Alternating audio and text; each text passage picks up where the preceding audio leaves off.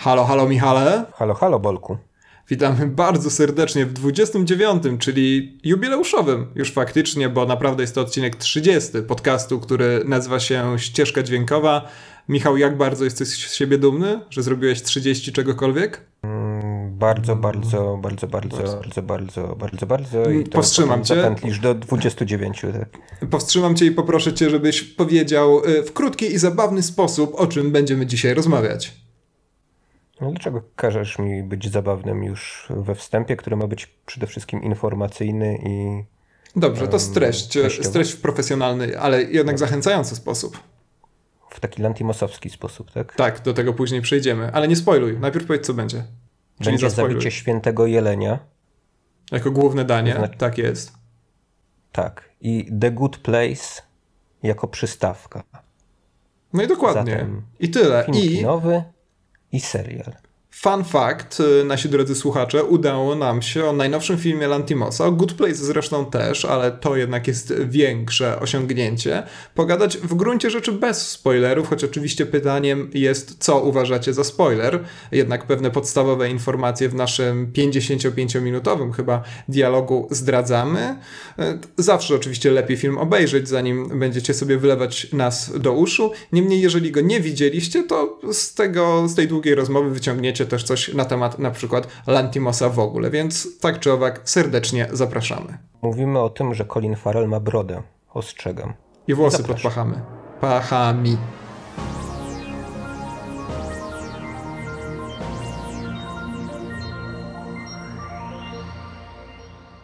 Niejako już tradycyjnie obok premiery kinowej oglądaliśmy także seriale tym razem chcielibyśmy porozmawiać przede wszystkim o serialu The Good Place.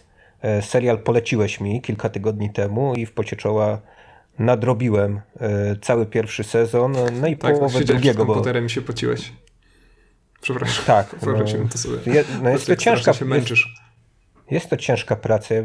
Proszę nie umniejszać tej roli wiesz, człowieka, który jednak chce nadgonić, no, chce dorównać. Bo tak, dokładnie. No jest czasie, ta, ta chora ambicja cię trawi. Dokładnie, ja to, ja to doskonale rozumiem. No, Pamiętam, jak przygotowywaliśmy nasz pierwszy przegląd seriali, i, a może to był drugi, nie wiem, no to jest taka mordęga, że wszystko mi się miesza, ale pamiętam, że wtedy oglądałem po prostu trzy odcinki na trzech urządzeniach naraz, żeby tylko nadrobić, żeby być taki jak ty. Więc cieszę się, że teraz ty trochę pocierpiałeś. Już wiesz, jak to jest. Nie widzieć jakiegoś serialu. No, przez pewien czas. Bo już, bo już widziałeś. Wiem, dlaczego kino zemsty jest twoim ulubionym kinem już teraz. W każdym razie Good Place to jest e, rzecz zupełnie kapitalna. Kapitalne jest też to, że od pewnego czasu możemy to oglądać w Polsce bez e, większego problemu, powiedzmy, ponieważ od drugiego sezonu ten serial został e, nie wiem, czy przejęty przez Netflix w tym sensie, że Netflix stał się współproducentem, ale w każdym razie jest dostępny na polskim Netflixie, więc możecie sobie obejrzeć pierwszy sezon. W tym momencie jesteśmy w czasie zimowej przerwy drugiego sezonu, to znaczy zobaczyliśmy kilka odcinków, e, a serial wraca bodajże w styczniu. Serial, który, którego. Kto, który, serial napisany, a właściwie nie napisany, ale stworzony przez i napisany częściowo przez Michaela Shura, czyli oczywiście twórcy The Office, takiego sitcomu, który rzeczywiście wywrócił telewizję e, do góry nogami i właściwie do dzisiaj, mimo że no już od tego od pre premiery dziewiątego sezonu troszkę czasu minęło, choć wcale nie tak wiele, to jednak The Office wraca w przeróżnych kontekstach. No przede wszystkim e, odbija się w szeregu naśladowców. No The Office, e, przepraszam, Good Place nie ma z The Office oprócz czasu trwania tak naprawdę yy, nic wspólnego i faktu, że rzeczywiście jest to jakiś tam format sitcomu, ale o tym zaraz. Yy, Michał, yy, co ci takiego polecałem w Good Place, że zacząłeś się, zacząłeś się pocić przed tym serialem? Nie pamiętam konkretnie, co powiedziałeś na ten temat, ale wydawało mi się, że zbiłeś mój standardowy argument na temat sitcomów, że niewiele tam się dzieje narracyjnie i to mnie od nich odkleja. Bo ja zwykle tak mam, że jeżeli nie ma jakiegoś konkretnego rozwoju fabuły, jakiegoś takiego haczyka, który by mnie e, przy danym sitcomie zatrzymał, no a to ciężkie w przypadku tego, tego gatunku, no to odpadam po iluś tam odcinkach, nawet jeżeli coś mi się umiarkowanie lub nawet bardzo podobało. Na palcach jednej ręki chyba mogę policzyć sitcomy, które obejrzałem od A do Z, czyli od, od początku do, do ich finału. I to niekoniecznie chodzi o jakieś obniżenie poziomu samych żartów i poziomu samego serialu. Chodzi mi o, o właśnie tę potrzebę, że oto muszę włączyć kolejny odcinek tego serialu. Taką potrzebę, jaką czuję, no nie wiem, oglądając kolejny odcinek Mindhuntera, czy tak, tego no, typu seriali. Tutaj też nie chodzi, warto chyba zaznaczyć, o jakieś zaangażowanie emocjonalne, przywiązanie do, do bohaterów i tak dalej, ale po prostu o e, regularne oczekiwanie na to, co będzie w następnym odcinku, cóż się takiego wydarzy, jak się rozwiąże twist, który pojawił się w napisach końcowych poprzedniego odcinka i tak dalej, i tak dalej. E, Good Place, dla tych z was, którzy nie wiedzą, to jest serial, w którym bohaterka, e, grana przez jedną w ogóle z moich ulubionych aktorek wszechczasów, choć nie wiem do końca czemu, bo nawet Weroniki Mars nie oglądałem, Kristen Bell. Um, zapomniałem początek tego zdania. Co ja, co ja bohaterka? Mówię? Że bohaterka, aha, tu y, tylko się usprawiedliwie e, nagrywamy ten segment o serialach już po godzinnej rozmowie o najnowszym filmie Lantimosa, stąd te dziwaczne wpadki. W każdym razie główna bohaterka trafia do tytułowego dobrego miejsca, które jest, no, odpowiednikiem nazwijmy to w ten sposób, chrześcijańskiego nieba, trafia tam tak, jak powinno się trafiać do takich miejsc po śmierci. E, no i tam co? Po powiemy, że przeżywa różne przygody? No nie, chyba możemy wprost powiedzieć, że trafia tam przez pomyłkę, bo to jest jednak na początku powiedziane tego serialu, prawda? To nie jest wielki twist fabularny, a wielkich twistów tam nie brakuje z odcinka na odcinek, z sezonu na sezon. E, znaczy z sezonu na sezon. Na razie zaczął, zaczął się drugi, więc mieliśmy gruby, gruby twist na początku, na końcu e, pierwszego e, sezonu i cliffhangerami rzeczywiście ten serial stoi, ale nieźle napisanymi postaciami chyba też. Wydaje mi się, że to jest ten rzadki przypadek, kiedy obok potoczystej narracji mamy no, wyrazistych bohaterów, i no nie jakichś takich stereotypizowanych, jak to często w sitcomach e, bywa, ale jednak takich, e, którzy też jakieś tam właśnie e, tajemnice swoje wiozą i no i na tych tajemnicach trochę też budowane są te twisty z tego serialu. Tak, to znaczy to jest w ogóle kapitalny zabieg ze strony Shura i pozostałych twórców serialu, że no jest taki bardzo wyrazisty wątek, na którym cała rzecz jest zawieszona, to jest właśnie to, o czym ty wspomniałeś, czyli fakt, że bohaterka do dobrego miejsca trafia, jak się zdaje, zupełnie przez przypadek, ponieważ no ona nie jest taką osobą, o której powiedzielibyśmy, że rzeczywiście trafi do nieba. E, tak naprawdę wydawałoby się, że e, należą się jej jakieś tam naj, najgłębsze kręgi piekielne. E, no i to jest taki bardzo wyrazisty wątek, wokół którego rzeczywiście część fabuły jest budowana. On jest obudowany szeregiem takich mikrozwrotów akcji dotyczących albo drobniejszych zdarzeń, albo drugo- czy trzecioplanowych postaci i w ten sposób to, to wszystko właściwie maskuje pewne takie poważne zwroty akcji, które od czasu do czasu zachodzą i rzeczywiście, kiedy się pojawiają, to zaskakują. Ja w każdym razie byłem zaskoczony. E, no i w rezultacie jest to w ten sposób przeprowadzone, że tak naprawdę ten serial mógłby się dziać w nieskończoność. E, miałem dość dużo wątpliwości co do drugiego sezonu, w jaki sposób rzeczywiście wybrną z pewnych rozwiązań fabularnych, którymi zakończyli sezon pierwszy. E, wybrnęli sposób niezwykle pomysłowy, jak mi się zdaje, choć po kilku odcinkach chyba troszkę zaczyna brakować pomysłów. Pojawiają się takie odcinki, no niestety typowo sitcomowe, to znaczy zupełnie samowystarczalne, które niekoniecznie posuwają fabułę do przodu. Teraz mam troszkę wrażenie, że oni starają sobie kupić kupić jak najwięcej czasu, zanim wymyślą rzeczywiście znowu taki efektowny wątek. Niemniej aktorstwo, żarty ciągle stoją na poziomie co najmniej przyzwoitym, więc czekam na ten styczeń z niecierpliwością. No to jest też ciekawe, jaka jest e, konstrukcja tej przestrzeni, w której to e, wszystko ma miejsce, no bo powiedziałeś, że to jest jakiś tam odpowiednik e, chrześcijańskiego nieba, ale taki konstruowany na bieżąco, prawda? I ten wątek też jest dosyć interesujący, bo trochę tak zahacza o te tematy, które być może i w Westworld się pojawiają, w takich konstrukcji doskonałych światów. Y, no tutaj zaświatów, można powiedzieć, no ale mamy też świetną postać epizodyczną robota androida, prawda, zwanego Janet E, no, graną znakomicie w ogóle przez aktorkę, która się nazywa Darcy Carden.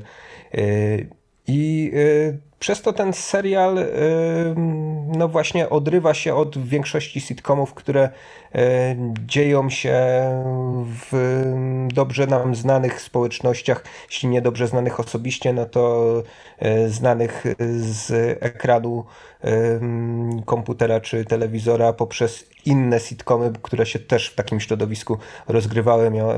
Mam na myśli te niezliczone sitcomy nowojorskie, w, obracające się wokół podobnych miejsc e, i no, podobnych z racji tego e, zachowań bohaterów. Tutaj mamy coś zupełnie świeżego, zupełnie nowego, a jeszcze scenarzyści głowią się, żeby ciągnąć to właśnie w nieprzewidziane rejony, więc no super. No.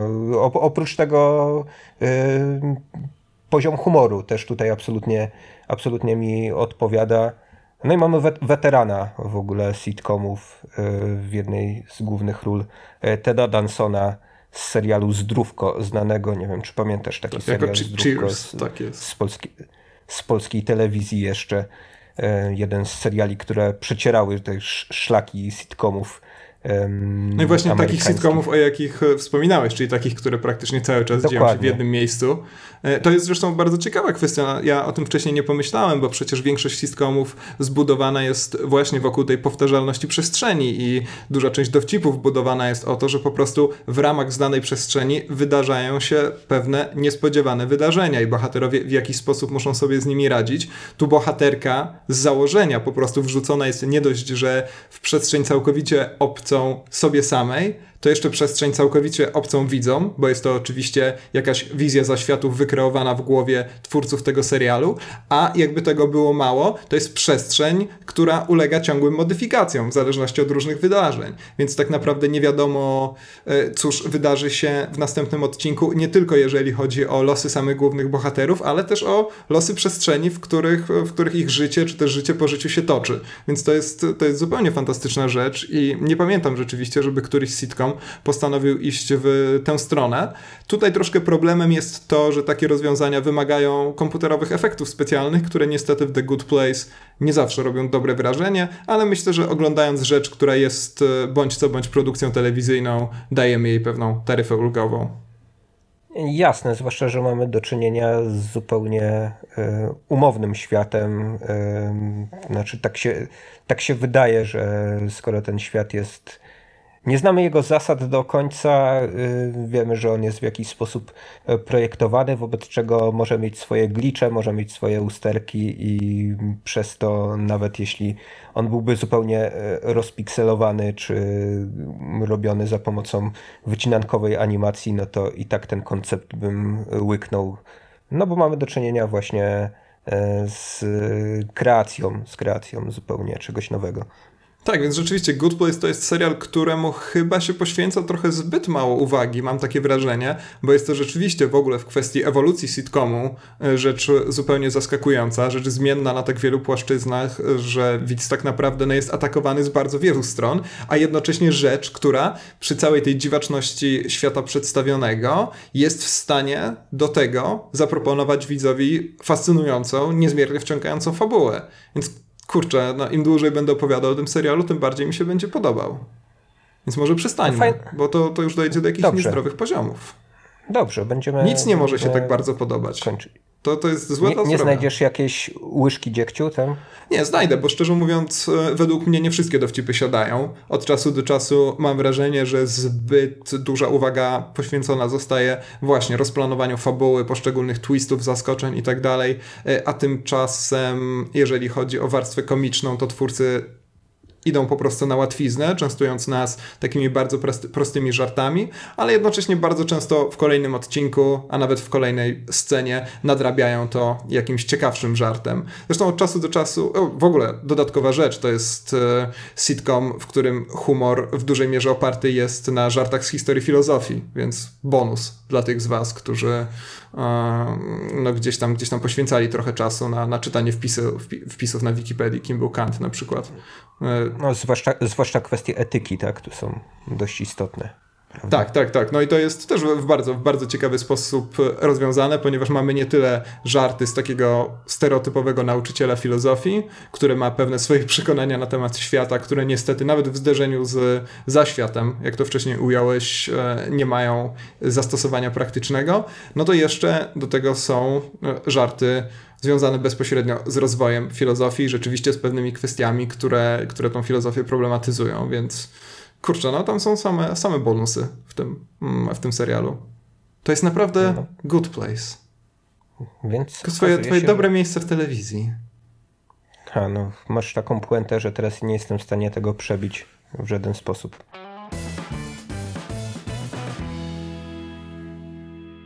W kinach od tygodnia, a nawet w tym momencie trochę dłużej niż od tygodnia, już e, Chciałem powiedzieć, że hasa jeleń, ale nie hasa, bo, bo został zabity, niestety. E, w każdym razie zabicie świętego jelenia, czyli najnowsza produkcja Jor Jorgosa, Jorgosa Lantimosa. Fantastycznie się to rymuje. E, druga jego produkcja anglojęzyczna, druga z Colinem Farelem, co bardzo się chwali. E, I w każdym razie dla mnie pierwsza rzeczywiście tak kapitalnie, całościowo udana rzecz, którą Lantimos z siebie wypuścił. A ty co sądzisz, Michał? Ja też sądzę, że to jest najbardziej udany film Lantimosa. Nie uważam, że to jest pierwszy jego udany film, bo wszystkie do tej pory, które e, widziałem, wszystkie trzy filmy Lantimosa, które były obecne na naszych ekranach, uważam za udane, ale ten jest najlepszy z tej trójki. No to wspaniale. I co, będziesz e, kontynuował tradycję, którą dwa odcinki temu zapoczątkowałeś, czyli zręcznego, szybkiego i nadzwyczaj sprytnego streszczenia fabuły? Albo, przepraszam, przypomnienia, co się, o co w filmie chodzi. O, może tak to ujmę. Jasne, z pominięciem być może szybkości. Postaram się być zręczny i sprytny. Albo dobra, też będę rączy jak jeleń, którego w tym filmie nie ma i to o tym też chyba porozmawiamy już później, prawda? Skąd ten Gdzie jest jeleń? Wziął. To jest pytanie. Jakie się nasuwa Właśnie, samo. Bo, te, bo ten jeleń wcale tam sobie nie hasa, ani też nie zabijają go w tym filmie. Bo mamy tutaj y, rodzinę i to taką rodzinę, która się wydaje doskonałą rodziną y, z klasy średnio-wyższej. Mamy dwójkę lekarzy, granych przez y, Colina Farela i Nicole Kidman. E, państwo Murphy mają dwójkę jak się wydaje też na początku, e, perfekcyjnych dzieci, oczywiście parkę. Oczywiście mają e, wszystkie e, rozrywki i wygody przynależne burżujom, którzy dobrze zarabiają, mają wielki dom, mają też różne upodobania, które zmierzają w stronę takiego, takich snobistycznych upodobań klasy wyższej, wobec czego dzieci posyłają na naukę bądź to śpiewu, bądź to muzyki. No ale coś w tej rodzinie jest nie tak, dlatego że pojawia się chłopak z klasy niższej, pojawia się chłopak, y, którego tożsamość przez długi czas jest ukrywana przez głowę rodziny, czyli przez postać y, Colina Farela. E, chłopak, który jakąś tam tajemnicę ze sobą nosi, o takich rysach trochę psychopatycznych, ale przez długi czas E, dosyć miły, jak to, to sympatyczny psychopaci. Tak. tak, to z, tak, z kina hollywoodzkiego to znamy. Ten, ten milutki sąsiad e, wkrótce przestanie być milutki, ten milutki chłopaczek przestanie być miłym. E, no to taki, taki, taki schemat gatunkowy, który jakoś tam wydaje się na początku przynajmniej Lantimos wpasowuje swój film, no ale jako, że jest to film Lantimosa, potem zaczyna to wszystko pękać w różne dziwne strony i może o tych dziwnych stronach już zaczniemy sobie rozmawiać y, po kolei. Nie wiem, czy y, chcesz zrobić jakiś background y, a propos samego Lantimosa i jakie filmy do tej pory zrobił i co w nich takiego było dziwacznego, bo to nam się chyba dobrze komponuje. nie wiem, czy jesteś fanem teorii autorskiej, ale w przypadku tego reżysera chyba sprawdza się w jakiś sposób, prawda? Ja bym chciał, żebyś jeszcze raz opowiedział całą tą historię, którą opowiedziałeś przed chwilą, ale intonował to tak, jak robią to bohaterowie Lantimosa. Czy potrafiłbyś to zrobić? Tak. Nie, jestem robotem. Zabicie przesz świętego jelenia. Przeszedłem tak zwany test kapcia. Wiesz, nie wiem, czy przechodzisz często takie testy. Na czym to nie mówię o testach Wojt, Wojta Kampfa, ale o tych właśnie wykazujących, że nie jesteś robotem w sieci. A tam trzeba wpisać tak, ja to nazywam A, że kapcza, ojejku. No, tak. tak. Mm. Co byś zrobił bez moich sucharów? Tak, no cóż, e, pomińmy to rzeczywiście e, takim e, milczeniem, chciałoby się powiedzieć. No tak, rzeczywiście w przypadku Lantimosa ta czasem rzeczywiście bardzo bzdurna teoria autorska tutaj jednak się sprawdza i chyba w Zabiciu Świętego Jelenia to według mnie widać najmocniej. To znaczy, to jest rzeczywiście film, który kapitalnie podsumowuje, choć mam nadzieję, że to nie koniec, takie bardzo charakterystyczne elementy lantimosowej twórczości. Właściwie wszystko się tam skupia jak w soczewce. E, fantastycznie też to gra ze sobą e, i rzeczywiście no, tym filmem Lantimos, to znaczy może inaczej, do tej pory Lantimos rzeczywiście bardzo wyraźnie się wyróżniał na tle innych twórców, ale tym filmem jednocześnie pokazał, że to wyróżnianie się niesie ze sobą wysoką jakość. Ja tak jak wspomniałem na początku, nie jestem wielkim fanem jego twórczości, no ale jeżeli mielibyśmy to streścić na szybko, no to co mamy? Mamy Kieł, który jest bezczelną z filmu Twierdza Niewinności, meksykańskiej produkcji Artura Ripsteina z lat 70., ale żaden z krytyków oczywiście tego nie zauważył. Nudziarze. Nie, potwierdz nie potwierdzam, nie zaprzeczam, nie znam, więc y to jest... to jako coś świeżego. Tak, to znaczy, oczywiście ja tutaj y, przesadzam i tu moje meksykańskie skrzywienie bardzo mocno się wkrada, bo Lantimos jednak poszedł w inną stronę niż Ripstein, e, zwłaszcza jeżeli chodzi na przykład o te kwestie zabawy językiem i tak dalej. U Ripsteina e, po prostu jest e, podobny zabieg wyjściowy, to znaczy mamy ojca, który więzi swoją rodzinę w mieszkaniu, żeby ochronić ich przed złem tego świata. No pamiętamy, że w Kle to ten punkt wyjścia jest podobny. Mm, no właśnie, o tym jest kieł, tak? Później, e, później Alpy, tak? E, Alpy to jest film, który ciepło wspominam, dlatego że kiedy z niego wyszedłem, to chyba do ciebie zadzwoniłem, żeby ci opowiedzieć. Pamiętasz to, Michał? Co znaczy nie powiedzieć ci film, tylko moje, moje wrażenia. Nie pamiętasz, że dzisiaj dzwoniłem? zupełnie nie pamiętam żadnych alpejskich wspominek. No wielka, wielka szkoda. Może po prostu musimy razem pojechać e, w góry i stamtąd będziesz miał przyjemniejsze wspomnienia. E, w każdym razie to jest film oparty na zupełnie kapitalnym pomyśle, bo on, o ile dobrze pamiętam, e, opowiada o ludziach, których zawodem jest wcielanie się w zmarłych członków rodziny po to, żeby złagodzić ból odejścia. Czy dobrze pamiętam? Że takie było no, zadanie bohaterów Alp? Mniej więcej, mniej więcej tak. Łagodzili traumę takimi psychodramami, można powiedzieć, tak? Odgrywaniem pewnych scen z życia y, drogich zmarłych. Tak, więc takie dramatyczne RPG, no to też jest kapitalny pomysł. Film, e, pamiętam, że też niestety zresztą podobnie jak Kieł, nie jest, e, jak to mówi pewien e, znany filmoznawca, spełniony dla mnie w każdym razie, ponieważ no ja mam ten problem z Lantimosem, który chyba najlepiej widać w Lobsterze, to znaczy to, że tej jego wizji, która tam wyraźnie się rysuje, dajmy na to na początku filmu, poszczególne elementy filmowe nie są niestety e, w jakiś taki konsekwentny sposób podporządkowane i te filmy w pewnym momencie pękają. No Lobster to jest chyba taki film, który w ogóle najmniej lubię z tej pierwszej trójki Lantimosowej, bo tam po pierwsze pomysł jest jak z e, pierwszej lepszej powieści science fiction e, lat 50., a po drugie, no ten film po prostu już wyraźnie się rozpada, to znaczy on jest wyraźnie podzielony na no dwie części, powiedzmy tak umownie, i ta druga część, która opowiada już e, o e, jakiejś walce zbiorowej i tak dalej, rebelii, coś takiego, to niestety już, już zupełnie nie gra. E, ale tam widać rzeczywiście w tych trzech filmach takie bardzo charakterystyczne lantimo, lantimosizmy, o których wspomniałem. To jest przede wszystkim Chciałem powiedzieć, że przede wszystkim zabawa językiem, e, z tym, że to jest o tyle trudne do odebrania, że no, pierwsze dwa filmy są w całości po grecku, a trzeci film i, Jeleń również jest po angielsku i to jest też pytanie, na ile Lantimos rzeczywiście jest w stanie te swoje gry językowe, e, tworzenie takich zupełnie nierealnych, całkowicie zdziwaczałych konstrukcji językowych w czasem niby zwyczajnym świecie, na ile on jest w stanie to zrobić po angielsku, ale wydaje mi się, że on tutaj w Jeleniu przyjął trochę inną strategię, o tym pogadamy pewnie i wyszło mu to całkiem nieźle. No i przede wszystkim to zupełnie dziwaczne prowadzenie aktorów, którzy też e, zachowują się jakby byli totalnie odklejeni od planu, na tle którego grają. E, wydaje mi się, że w Jeleniu to akurat nomen omen miejscami nie gra, ale do tego też sobie przejdziemy. O, ale powiedziałem dużo. Dawno tyle nie powiedziałem. Jeszcze, jeszcze był debiutancki film Kinetta. Tak, ja nie tak, widziałem, Kinetta, nie ja widziałem też tego tego nie filmu. widziałem. Też tego nie. Nie, nie było go na polskich ekranach. E, Z tego twojego e, bardzo bogatego streszczenia i po tym twoim bogatym streszczeniu przypomniałem sobie, że akurat właśnie filmu Alpy specjalnie nie cenię, więc tak, więc był precedens Czyli wygrałem. twórczości Lan- Lantimosa. Wygrałem w tej konkurencji. Bardzo dobrze. Przekonałem cię do tego, żebyś nienawidził ywr danego reżysera. Jestem z siebie Nie. e, bardzo dumny. Nie, Nie? absolutnie. To jeden, y, jeden trochę słabszy film, ale wciąż niezły. E, Wydaje mi się, że Lantimos jest takim człowiekiem, który e, trzyma ten e, równy olimpijski poziom o tych starogreckich i, i greckich w ogóle nawiązaniach też będziemy chyba rozmawiać tutaj, bo warto.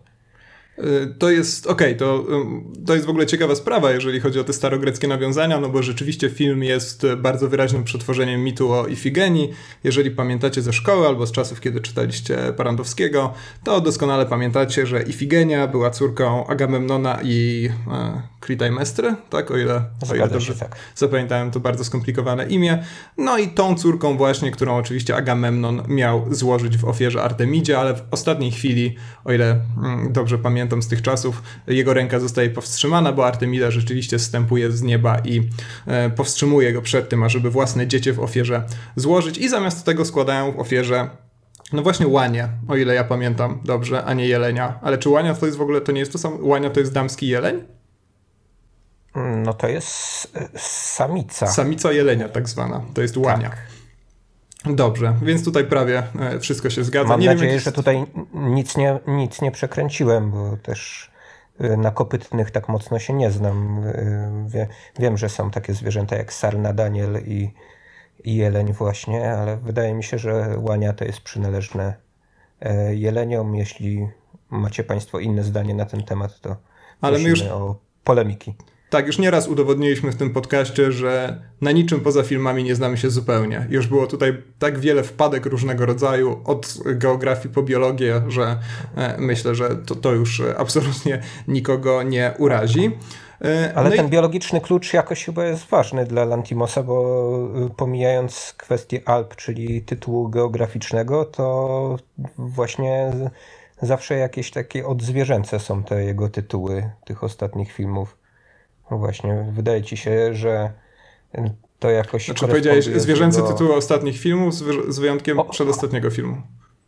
Odzwierzęce, powiedziałem, bo kieł mhm. to też takie, taki odzwierzęcy tytuł trochę, prawda? Z wyjątkiem Alp.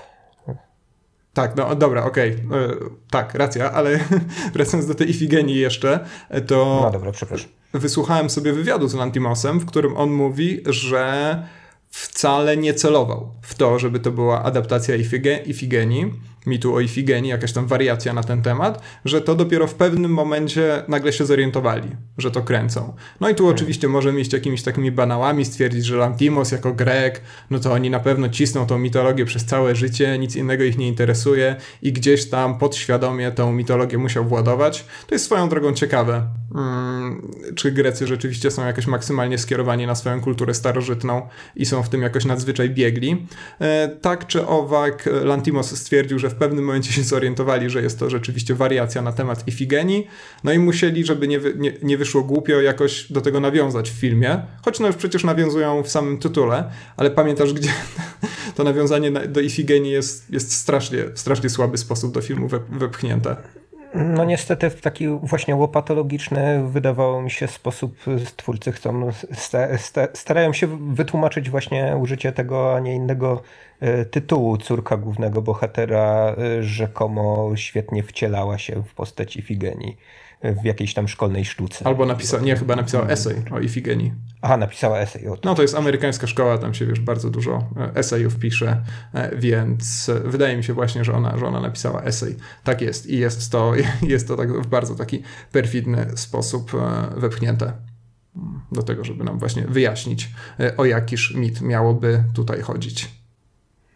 No ale to tam chyba później w toku rozwoju fabuły jakoś ładnie się zazębia z tymi mitami, prawda? Bo jak wiemy w tej rodzinie Agamemnona i Klitajmestry e, działo się wiele, tam także pojawia się postać Elektry, zabijają się dość wesoło, jak to e, w mitach starożytnych, ale tutaj akurat e, zabijają się w, na łonie samej rodziny, prawda? Mamy, mamy tam y, ojcobójstwo, matkobójstwo, tutaj niedoszłe nie, nie dzieciobójstwo w przypadku tej Ifigenii i wydaje mi się, że w jakiś sposób to rezonuje z fabułą. Y, Michał, y, poznałeś aktora, który odgrywał główną rolę sympatyczną, główną rolę, rolę sympatycznego psychopaty? Całkiem niedawno o nim rozmawialiśmy. Nie, nie, miałem okazji poznać go osobiście, jeśli do tego pijesz. tak, bo to jest podstaw, podstawowa rzecz, o jaką zawsze pytam. Czy, czy znasz osobiście a. aktorów, o których rozmawiamy? No to niestety nie znam go osobiście. Jeśli chodzi o zapośredniczone przez ekran yy, kontakty z tym człowiekiem, no to on y, gdzieś tam w Dunkierce się pojawiał, prawda? Tak, on grał tego chłopaka na łodzi który płynie razem z e, tatusiem, żeby, żeby, przywozić ludzi z Dunkierki i wyławiają Kiliana Murphy'ego z morza. E, nazywa się... Płynie, wtedy płynie, tak? Aha. Słucham? Co to za żarcik? No nic, taki, taki spoiler, spoilerujący trochę, więc może nie będę. A, to może dobrze, że go, że go zagłuszyłem. E, Barry Keegan, tak się nazywa ten aktor i to jest, e, no Michał, obserwujemy Narodziny Gwiazdy, bo w Dunkierce był znakomity, ale dopiero u Lantimosa rzeczywiście ma bardzo dużo do zagrania i jest e, kapitalny. Wzbudzał twoje głębokie, pierwotne przerażenie? Powiedziałbym, że to jest taka twarz młodocianego psychopaty, która pojawiła się w w filmie, może pojawiła się wcześniej, ale na pewno pojawiła się także w Musimy porozmawiać o Kevinie. On mi bardzo przypomina Ezra Millera. No właśnie. Czy tobie mhm. też. Podobne rysy, rysy twarzy i właśnie podobne e, świdrujące oczy takiego gościa, który no widać, że serce ma mroczne jak jak nie wiem, co, co, co może być takiego mrocznego. Co jest właśnie, co jest takie mroczne? To jest, to, jest, to, to jest dobre pytanie. To znaczy, Ezra Miller według mnie jest bardziej demoniczny. Jak patrzysz na Ezra Millera, to od razu masz koszmary, a tutaj mamy chłopaka, który dopiero rzeczywiście musi jakąś pracę aktorską tchnąć w to, żeby jakieś najgorsze przeczucia w tobie wzbudzić, ale wydaje mi się, że wychodzi mu tutaj to całkowicie, całkowicie świetnie, że tak powiem. E, I tu a propos właśnie tego całkowicie świetnego wychodzenia przez aktorów, to w tym samym wywiadzie słuchałem e, Lantimosa, który mówił o tym, że on tak naprawdę za bardzo nie ustawia aktorów, za bardzo nie tłumaczy im, jak mają grać, e, czy mają zachowywać się w jakiś charakterystyczny sposób i tak dalej. I chyba trudno uwierzyć, prawda? Lantimosowi, kiedy tak mówi. Że, że no puszcza tych aktorów samo, samopas. Bodajże Michał Walkiewicz stwierdził w recenzji chyba tego właśnie filmu, że to jest takie lekko autystyczne granie e, w przypadku aktorów Lantimosa i on to praktykował zarówno w kle, jak i praktykuje to z tymi aktorami o bardziej e, rozpoznawalnych twarzach i nazwiskach. Wydaje mi się, że Colinowi Farellowi akurat to bardzo mocno służy. On go zarówno w Lobsterze, jak i w tym filmie e, zgasił, że tak powiem. Schował go trochę za tymi elementami, no, takimi rekwizytami jak okulary, czy za zarostem. Tutaj y, Colin Farrell ma obfitą brodę, za której jego ust wręcz nie widać. Y, tak, i dużo włosów pod pachami. dużo włosów wszędzie ma, tak. Trzy razy więcej niż... Pozdro, pozdro niż dla kumatych, czyli spoiler, tak.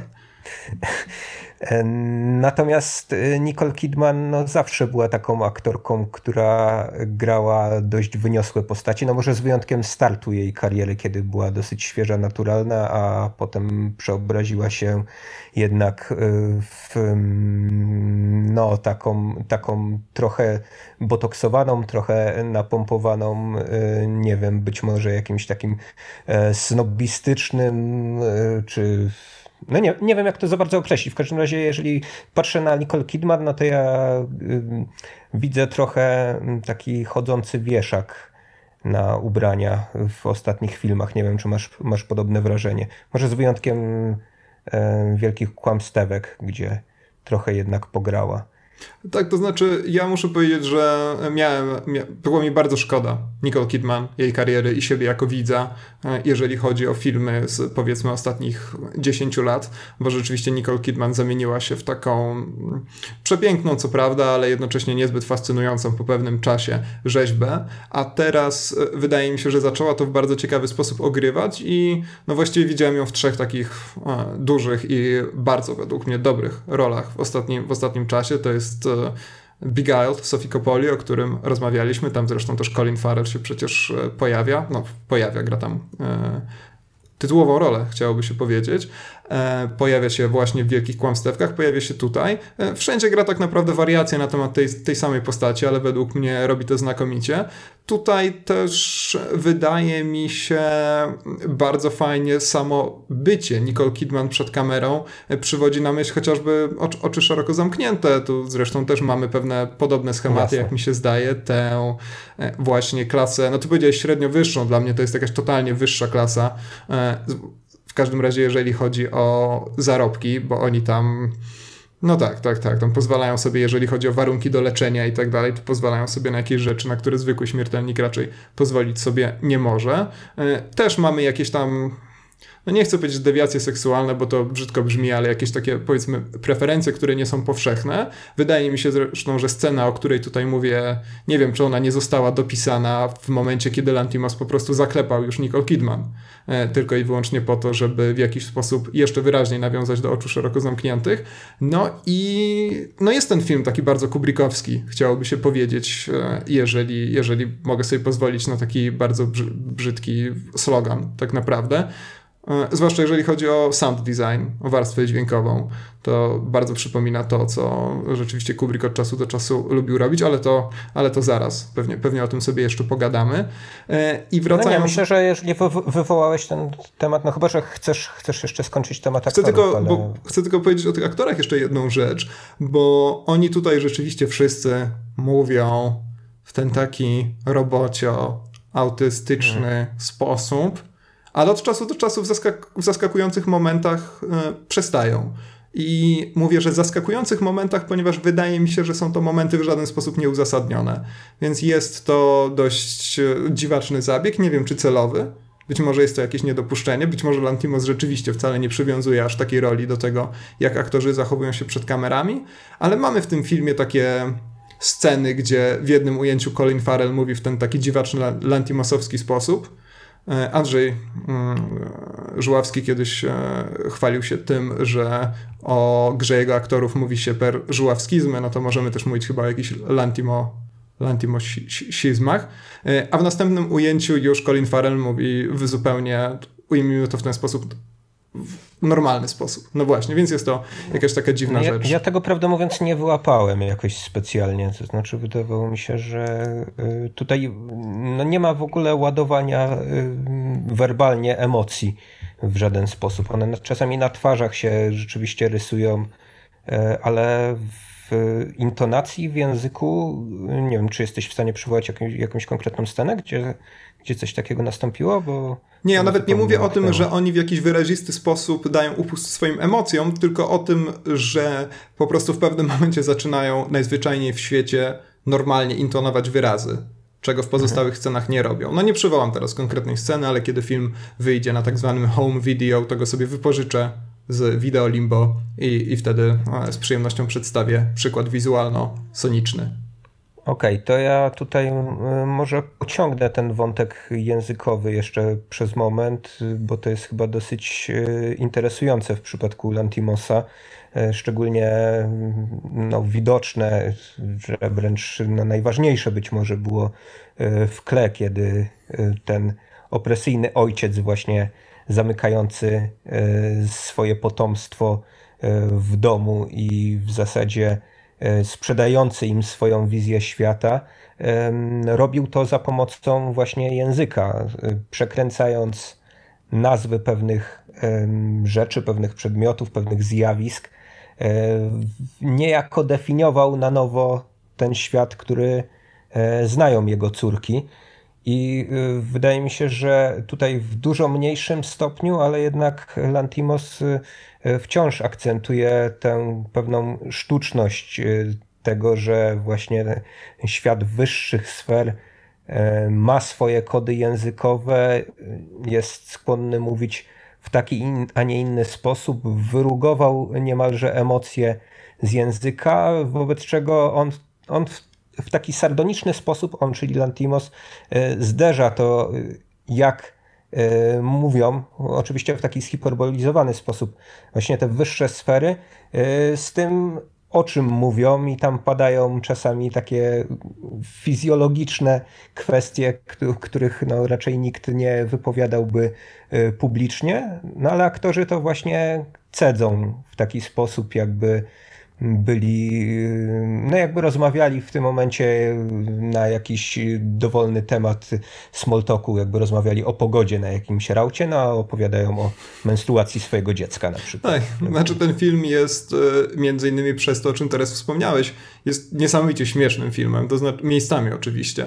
E, to jest zresztą dla Lantimasa bardzo charakterystyczne. Te poprzednie filmy, chyba z Lobsterem na czele, też były bardzo zabawne. E, znowu, miejscami. I humor był budowany za pomocą tych samych mechanizmów, e, to znaczy na przykład pewnego, dajmy na to, zaskakującego obnażania się przez bohatera, obnażania się emocjonalnego, niekoniecznie fizycznego, które odbywa się właśnie przy tym jednolitym takim tonie, który nie wyraża absolutnie żadnych emocji. No tutaj moim absolutnym faworytem, i mogę, mogę chyba tą scenę opowiedzieć, jest ta, w której bohater namawia swojego syna do tego, żeby zdradził mu sekret. Namawia go w ten sposób, że sam opowie mu sekret.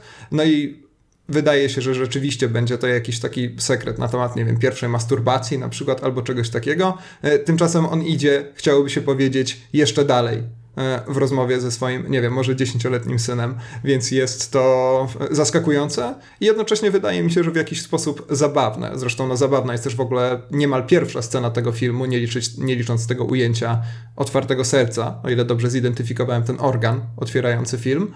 Główny bohater jest kardiologiem, więc zapewne to było to. To było pewnie serce, ale nie wiem, bo nie było czerwone i nie wyglądało jak pośladki więc nie byłem, nie byłem pewien, czy tak naprawdę wygląda serce. E, ale no pierwszy dialog przecież, który dotyczy zegarków, e, ten temat i, i, pasków do zegarków i ten temat też później powraca w jakichś takich najbardziej zdawałoby się niestosownych momentach, a do tego dochodzą też takie suchary po prostu e, w stylu tego, w którym najpierw bohater kardiolog, właśnie chirurg, opowiada o tym, że to anestezjolodzy są zawsze odpowiedzialni za śmierć pacjenta, a później słyszymy, jak anestezjolog mówi, że to chirurdzy zawsze są odpowiedzialni za śmierć pacjenta. Więc to są po prostu nagle takie żarty najgorszego rodzaju, które dzięki jakby temu, w jaki sposób ten film jest bardzo koherentnie zbudowany, zaskakują, Zaskakują czasem też tym, jak bardzo są żenujące, ale jednocześnie bawią. Więc muszę przyznać, że od czasu do czasu parsknąłem śmiechem na tym filmie.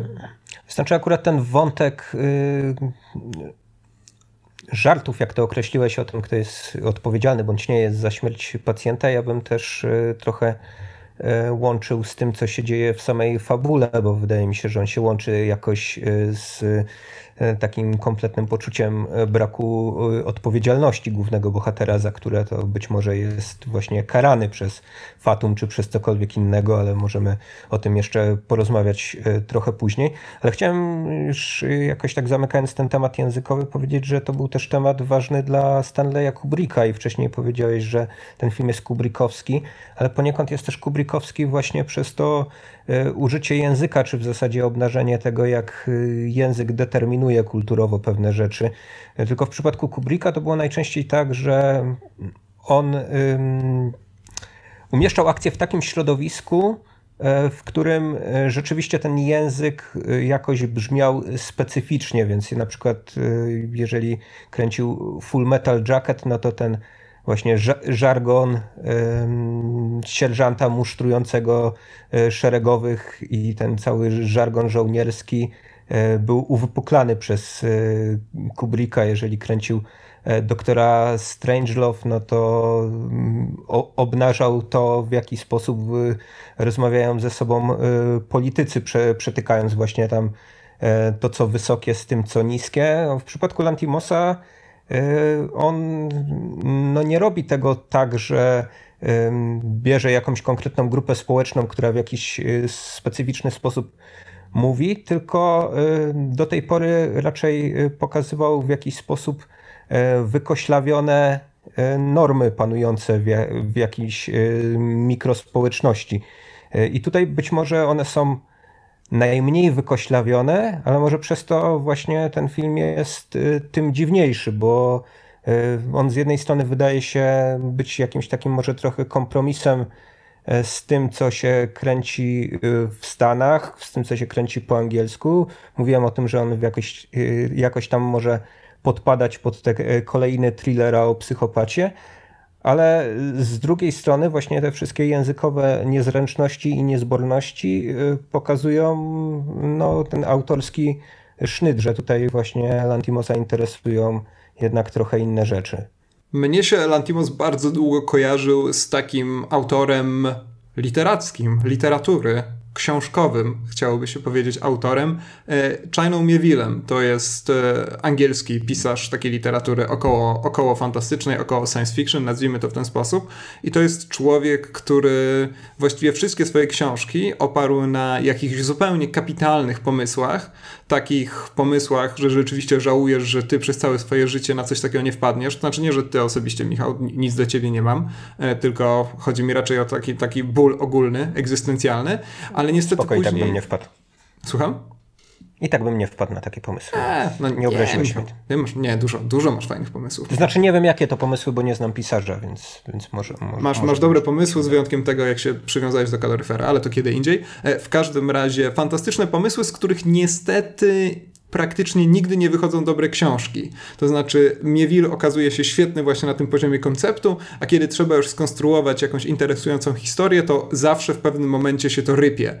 Dworzec Perdido, chyba jego najsłynniejsza książka, jest dla mnie takim fantastycznym przykładem e, takiej sytuacji, bo znowu pomysł jest fantastyczny, książka ma kapitalny pierwszy akt, a później nagle Miewil zapomina, jak się pisze książki. A być może tak naprawdę nigdy nie wiedział. No i jego późniejsze książki, o których mówił, że pisał je już kiedy więcej wiedział o konstruowaniu fabuły niestety popełniają ten sam grzech. U Lantimosa miałem tak samo, bo to przecież o Lantimosie, nie o Miewilu nagrywamy ten podcast. Prze, przepraszam, był w ogóle taki pisarz science fiction u innego pisarza, Kurta Voneguta. Nie wiem, czy czytałeś coś Voneguta. On miał taką postać, y, która się nazywała Kilgore Trout pisarz science fiction o nazwisku Pstrong też tworzył niesamowite koncepty, ale nikt nie chciał go kupować, bo nie umiał rozwinąć tych konceptów. Więc on się zmaterializował w postaci angielskiego rzeczywistego pisarza w pewnym momencie. E, być może rzeczywiście e, Miewil tym się inspirował, no ale lepiej by było dla niego, gdyby inspirował się innymi literackimi e, twórcami, tworami, przepraszam, i twórcami zarazem, na przykład Pierrem Menardem, który, jak wiemy, po prostu postanowił przepisać inne znane dzieło literatury i dzięki temu wyszedł mu kawał świetnej powieści, rzeczywiście.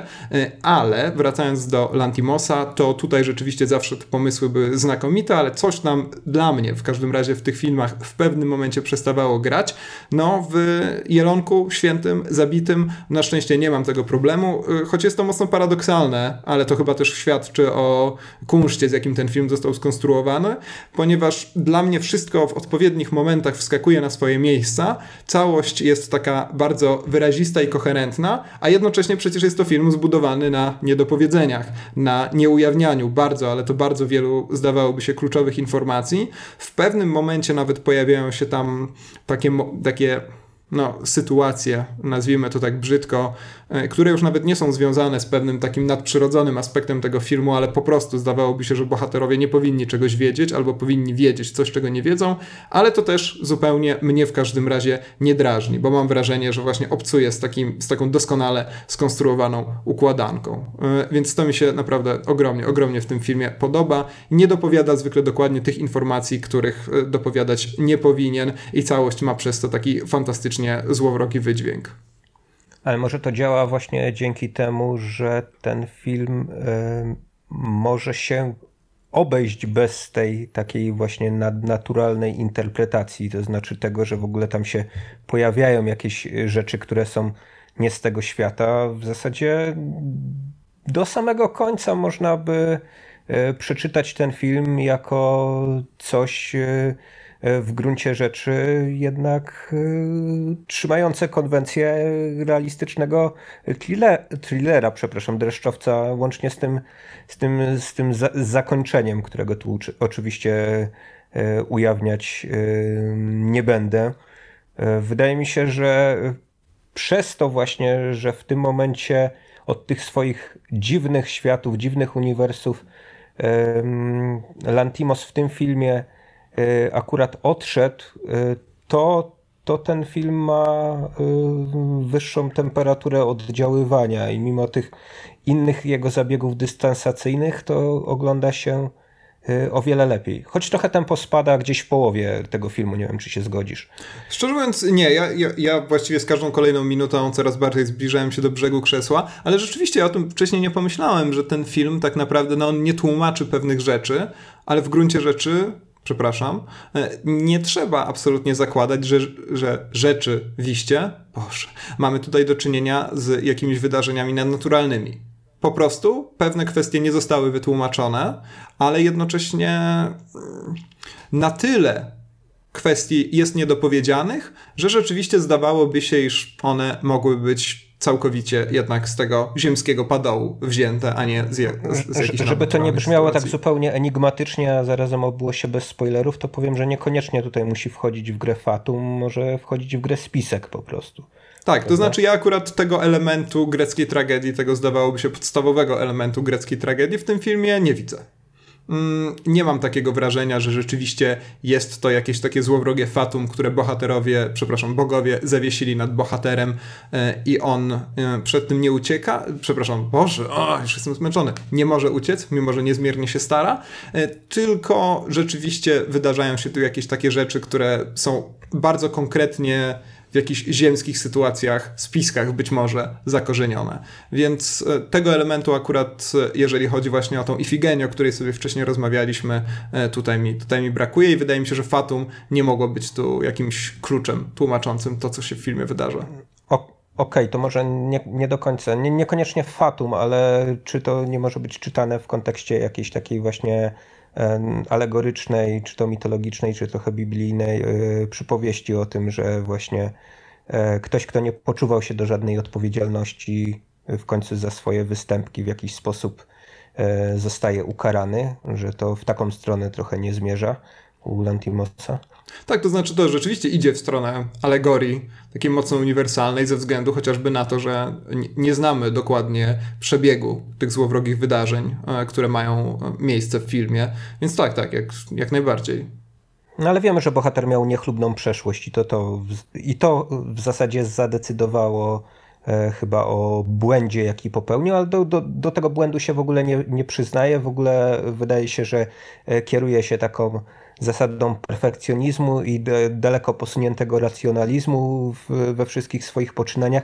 Właśnie nawet gdy do, doganiają go już takie rzeczy, których nie jest w stanie rozumem wyjaśnić, on no jednak drąży ten temat w stronę oczywiście naukową, no bo e, też jest e, osobą no, wykształconą e, w takim, a nie innym kierunku, wobec czego e, gdy ma do czynienia z jakimś medycznym przypadkiem, no to ten medyczny przypadek e, jest skłonny wyjaśnić e, w taki sposób, w jaki wyjaśnia to medycyna, ale wydaje mi się, że ten perfekcjonizm, to dążenie właśnie do, takiego, do takiej doskonałości nie tylko na tej płaszczyźnie zawodowej, ale też na tej płaszczyźnie osobistej. W jakiś sposób Lantimos też właśnie tutaj ośmiesza i, no i pokazuje, jak to jest kruche jednak tak naprawdę, gdy coś zaczyna pękać w tym obrazku.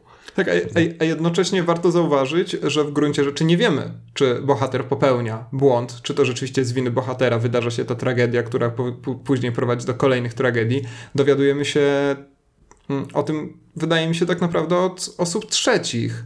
Nie pamiętam, czy jest tam jakaś scena, być może się mylę po prostu, ale nie pamiętam, czy jest tam taka scena, kiedy on przyznaje się po prostu do tego, bo nie mamy tam... Nie, jas, jasne, mhm. on, nie jest skłonny się przyznać do czegokolwiek. Stąd Albo nie mamy tam rzucaniu... też jakiejś takiej sceny, która trochę w cudzysłowie ujawnia nam tą obiektywną prawdę, że on faktycznie nie, Mówiłem o tym to, zrzucaniu, zrzucaniu odpowiedzialności właśnie, które tam, yy, które przedstawiałeś, no poniekąd słusznie też, yy, jako, jako ten żart yy, dwukrotnie Y, opowiedziany, y, no ale wydaje mi się, że to jest przejawem takiego, a nie innego y, charakteru głównego bohatera. No a oczywiście tutaj Lantimos zatrzymuje się na tym poziomie niedopowiedzeń i to, i to jest właśnie bardzo cenne też w tym filmie, a wydaje mi się, że dla wielu widzów to jest tru, trudne do przyjęcia. Poczytałem sobie trochę komentarzy na temat tego filmu na najpopularniejszym polskim e, portalu i dominują takie, które Film właśnie... O tak, e, mieliśmy nie reklamować, bo no to nie jest reklama. Jakby... Kryptoreklama, tak? Jak mówimy, że są głupie komentarze, to, to wręcz działamy na szkodę, tak? No i dobrze, wzbudzamy kontrowersje. No to może tylko rzucę trzy takie nagłówki, które mi się wyświetlają na pierwszym stronie. Źle dobrana farmakologia w nawiasie reżysera niezwykle pretensjonalny i męczący. I trzeci, Jorgos Lantimos w dzieciństwie musiał ostro rąbnąć się w głowę. Dlaczego? A to ja te same komentarze miałem na żywo w czasie seansu filmowego. Byłem, tu ciekawa rzecz, w multiplexie na tym filmie i to nie ciekawa rzecz, że byłem w multiplexie, bo zwykle chodzę do multiplexów, ale w żadnym kinie studyjnym tego filmu nie uświadczyłem. E, trzeba się wręcz było wybrać do, e, do, do, do Cinema City. Druga ciekawa rzecz to to, że była pełna sala, ale to już tak nie dziwi, jeżeli, jeżeli sobie przypomnimy, że przecież Lobster był wielkim sukcesem frekwencyjnym, wręcz zaskakującym, więc teraz film, który może być reklamowany jako na przykład chory sen bohatera Lobstera, a jak ładnie zarymowałem, e, też e, jest kandydatem do powtórzenia takiego sukcesu. No i ja tam zaraz po zakończeniu filmu, znaczy przede wszystkim koleś, który siedział obok mnie cały czas robił cytuję What? Oh fuck what? I tak dalej, więc miałem bardzo interesującą ścieżkę dźwiękową. Jeszcze bardziej interesująca i złowroga niż ta, która e, naprawdę promieniowała na mnie z ekranu. A zaraz po tym, jak zapaliło się światło, to słyszałem dużo takich żarcików o tym, że tak powinno się rozwiązywać problemy rodzinne i tak dalej. E, nie mówiąc o tym, że no, słyszałem relacje, że ludziom się zdarzało zemdleć na tym filmie, bo on jest rzeczywiście piekielnie intensywny. Więc e, faktycznie no, takie reakcje fizjologiczne wydają się tutaj nawet uzasadnione w jakiś sposób. Ja myślę, nie że najbardziej. Nie, najbardziej dosadne. Mnie tam nie było, żeby cię ratować. Byłem w kinie studyjnym, siedziałem w pierwszym rzędzie i dostałem tym. Yy, tą operacją na otwartym organie y, po twarzy na, na, na dzień dobry, bo to też tak, długie chorałami jest. Tak, z takim powolnym odjazdem kamery, też rzecz dosyć charakterystyczna dla Lantimosa, więc tu uprzedzamy widzów y, o wrażliwych nomen omen sercach, że... I żołądkach. I oczach, tak, że... Wszystkim, ten... jak macie cokolwiek wrażliwego, to nie idźcie na ten film po prostu. No może trzeba przymknąć oczy na samym początku, bo potem chyba nie jest aż tak mocno drastycznie, jak choćby w kle, prawda? Chociaż y, y, akcentowaliśmy to, że fizjologia jest dla Lantimosa ważna i to znowu wydaje mi się wynika z takiego zderzenia między tym, co w naszej kulturze trochę wyrugowane albo zepchnięte gdzieś do właśnie jakichś mrocznych zakamarków e, podświadomości, no a, a tego, o czym e, jednak właśnie człowiek będący zwierzęciem, niekoniecznie takim jak z tytułów Lantimosa jakoś tam w swoim umyśle ciągle jest w stanie przywoływać. I Lantimos to robi w taki e, trochę dziwaczny sposób. E, no, manifestuje e, chociażby w rozmowach o tym obfitym owłosieniu Colina Farela, Więc tutaj mamy dziwaczność na poziomie językowym i tak, taką, taką, taką, taką dziwaczność, która się e, no, manifestuje w tym, w tym otwarcie wyrażanym zainteresowaniu pewnymi rzeczami, które no, są jakoś, jakoś, jakoś niezręczne, czy w jakiś sposób no, niedopuszczalne w takich, w takich potocznych rozmowach o, o kulturze, ale wydaje mi się takim dosyć, e, dosyć ciekawym tropem, bo e, Lantimos jest trochę, e, jeśli chodzi o samą formę filmową, chyba z tego duchu takich neomodernistów w stylu slow jednak, prawda? Nie wiem, czy się zgodzisz ze mną, ale dynamicznego montażu to u niego raczej, raczej nie ma. W tym filmie szczególnie mocno celebruje niektóre ujęcia. Trochę te ujęcia y, przypominały mi y, właśnie Kubricka, tak wspomnianego wcześniej, nie tylko te y, ujęcia z Nicole Kidman przed lustrem, która no, trochę ewokuje tą Nicole Kidman grającą w oczach szeroko zamkniętych, ale też właśnie takie powolne najazdy, a jeszcze częściej odjazdy kamery. No, Kubrick lubił, lubił travelingi w ogóle i lubił, lubił też jakąś taką symetryczność w obrazie, to czasami tutaj E, się pojawia, na przykład takie dwa łóżka w jednym szerokim pokoju e, zestawione ze sobą. Jakichś dziwnych soczewek też używa e, w tym filmie Lantimos, czasami trochę wykoślawiając marginesy obrazu. To, to z kolei u Szumowskiej było widoczne w jej, w jej ostatnim filmie. Więc eksperymentuje, nie? nie tylko eksperymentuje z tą warstwą narracyjną i z tą warstwą werbalną, z grą aktorską, E, ale też eksperymentuje z e, warstwą audiowizualną. E, nie wiem, czy te wszystkie eksperymenty są dla ciebie eksperymentami udanymi, czy w ogóle uważasz, że Lantimos coś wnosi do języka filmowego, czy on właśnie jakoś tak zręcznie wykorzystuje to, co już wcześniej było, na przykład właśnie u, u Kubricka łączenie tych długich, powolnych ujęć jak z Odysei Kosmicznej z muzyką Georgi Ligetiego, na przykład też jak z Odysei Kosmicznej, czy z inną muzyką poważną, takim Bachem na przykład e, lubianym przez Hanekego. No i mamy też takie, takie hanekowskie e, mini panoramy, na przykład fasad budynków. Sorry, nie słuchałem, co? Za długo, tak? Nie, w każdym razie, jeżeli chodzi o tą warstwę wizualną, to to, co mnie się w tym filmie chyba najbardziej podobało, to to, jak Lantimos potrafi zestawić e, dwa ujęcia, które są skomponowane e, w bardzo zaskakujący sposób. To znaczy, tam od czasu do czasu mamy cięcie i pojawia się kadr, który w jakiś taki dziwaczny, no być może na jakimś podświadomym, niemożliwym do wyjaśnienia poziomie e, zupełnie kontrastuje z tym kadrem, który widzieliśmy przed chwilą. I to buduje takie fantastyczne wrażenie właśnie pewnego niepokoju, pewnej gęstości. E, zaskakuje mnie to, jak bardzo podoba mi się warstwa dźwiękowa w tym filmie, choć ona według wszelkich prawideł mojego gustu powinna mnie piekielnie drażnić. Bo ja bardzo nie lubię tego, kiedy na przykład w scenie, kiedy ktoś odgryza sobie kawałek ciała z głośników, atakują mnie bardzo agresywne, bardzo głośne smyczki, e, kiedy rzeczywiście e, w scenie, gdy obserwujemy otwarte serce, jakieś chorały śpiewające Jezu, Jezu Chrysto, to wybaczcie moją łacinę, czy w jakimkolwiek to było języku, um, śpiewają. No Ale ja bardzo... jaką muzykę byś wówczas wolał? Jakąś piosenkę o sercu? Na przykład My Heart Will Go On? Czy e, coś takiego? Keep, keep, keep bleeding love. Hmm? Co ty na to? Okay. Myślę, że to by było znakomite.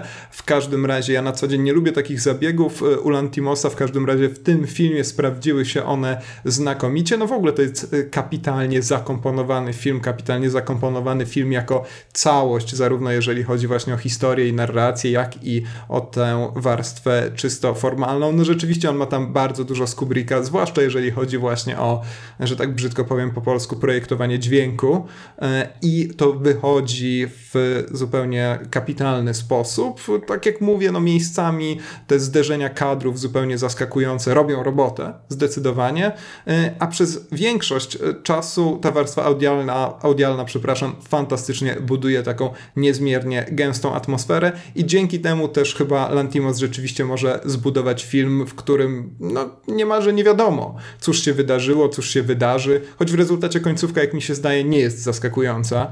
E, czytałem relacje o tym, że rzeczywiście finish tego filmu jest piekielnie szokujący? No chyba nie. Wydaje mi się, że Lantimos do niego zbiega, zbiega właśnie nie zbiega, on wręcz kroczy, tak bardzo powoli, bardzo majestatycznie, ale chodziło mi oczywiście o słówko dąży, dąży do niego bardzo konsekwentnie. Powiedziałbym nawet, że ta końcówka jest lekko roz, rozczarowująca. E, zwłaszcza jeżeli chodzi o pewne detale, liczyłem, że rozwiąże się to trochę inaczej, ale nie będę narzekał, bo jestem tak czy owak zadowolony z seansu. Cieszę się, że nie zemdlałem, że nikt obok mnie nie zemdlał. To jest zawsze taka konfundująca sytuacja. Pamiętam, że kiedy byłem na Łotrze 1, to dziewczyna obok mnie zaczęła mieć jakieś straszliwe problemy, chłopak musiał ją wyprowadzić i było, było mi tak przykro. A i tak już mi było smutno, jak oglądałem Zabicie Świętego Jelenia, więc po co tak... No, a teraz samolubnie poleciałem, nie? Dziewczyna się źle czuje, ja mówię, ej, zabierzcie mi ją stąd, bo ona mi psuje seans. No, trudno, wyszedłem prawdziwie no, Oczywiście, ja. no, płaci, płacisz za bilet. Zapłaciłem, to ciężkie pieniądze, tam to jeszcze w IMAXie było, proszę pana. No, no to nie jest... Nie, no, ch chyba, że lubisz darmowe 4D, no to wtedy... Ale to jest... Widzisz, to po prostu takie refleksje mnie, nach mnie nachodzą po sensie filmu Lantimosa, kiedy on obnaża prawdziwych nas. Musimy stanąć nadzy przed lustrem i ocenić siebie. Ja teraz widzę, no, nie jestem tak dobrym człowiekiem, jak myślałem. Yy, skończmy już tego jelenia, dobrze? Bo już no dobrze, strasznie no ja nie, zażynamy. Nie, nie, nie mam lustra, więc tutaj nie będę się w tym momencie przeglądał. Przynajmniej w tym pokoju musiałbym się odkleić od, od mikrofonu. Yy, Rzadko nam się to zdarzało, ale polecamy film obaj, prawda? Alicia Silverstone była w tym filmie. No tak, Alicia Silverstone, o jej aktorstwie akurat nie zdążyłem powiedzieć, to aktorstwo mi przypominało trochę linczowskie postacie. Ona jakieś dziwne rzeczy z kącikami swoich ust wyprawiała w trakcie tego filmu, prawda? To znaczy sam fakt, że Alicia Silverstone pojawia się w jakimś filmie jest już mocno surrealny, więc nie dziwię się, że masz jeszcze linczowskie skojarzenia, ale bardzo się cieszę, że ona dalej gra. Mam do niej duży sentyment z czasów, kiedy grała w Batmanie. Ale ona ostatnio jakby powróciła do takiego wielkiego grania. To znaczy być może takie małe też prezentowała, ale nie nie widziałem jej jakoś dawno. Wydaje mi się, że ostatnimi czasy e, gdzieś tam jeszcze się e, pojawiała. Nie mogę sobie przypomnieć. A, w ostatnim filmie Onura Tukela ją widziałem. To może nie jest jednak wielkie granie. No, Onur właśnie. Tukel to taki turecki Woody Allen. Nie wiem, czy kojarzysz. tak, zawsze, zawsze o nim tak mówisz, kiedy o nim wspominasz. No to jest najlepsze, e, najlepsze streszczenie jego twórczości, którą skądinąd polecam. Mało znany gość przyjeżdża na American Film Festival tak, często. To znaczy jeszcze trochę podstawowego warsztatu filmowego mu brakuje, ale ale, ale, ale robi śmieszne filmy. Tak, tak, tak. Są to, są, są to rzeczywiście rzeczy sympatyczne i też bardzo czasem cielesne i, i drastyczne, a jednocześnie jakieś zabawne. Prawie Jorgos Lantimos. E, dobra, to skończmy Alicia Silverstone w filmie Catfight e, właśnie zgodnie z tytułem E, wikła się w liczne pojedynki damsko-damskie, więc też fanów takiego kina przy okazji na zupełnym marginesie e, wielkiego filmu e, Jorgosa Lantimosa polecam. polecam. Tak jest. No to kończymy z Lantimosem. W takim razie życzymy mu dalszej kariery w Hollywood. Czekamy, jaki zrobi film dla Marvela. Michał, nie mów, że Elektra. Bardzo cię proszę. Zobaczymy, cóż się dalej wydarzy z jego karierą. A my co? Dziękujemy oficjalnie za wysłuchanie tego zapewne długiego odcinka. Dziękujemy i zapraszamy do kin. Sayonara, żółwie. E, czekaj, jeszcze powiem, jeszcze coś powiem, jeszcze powiem cześć. Do usłyszenia. Cześć.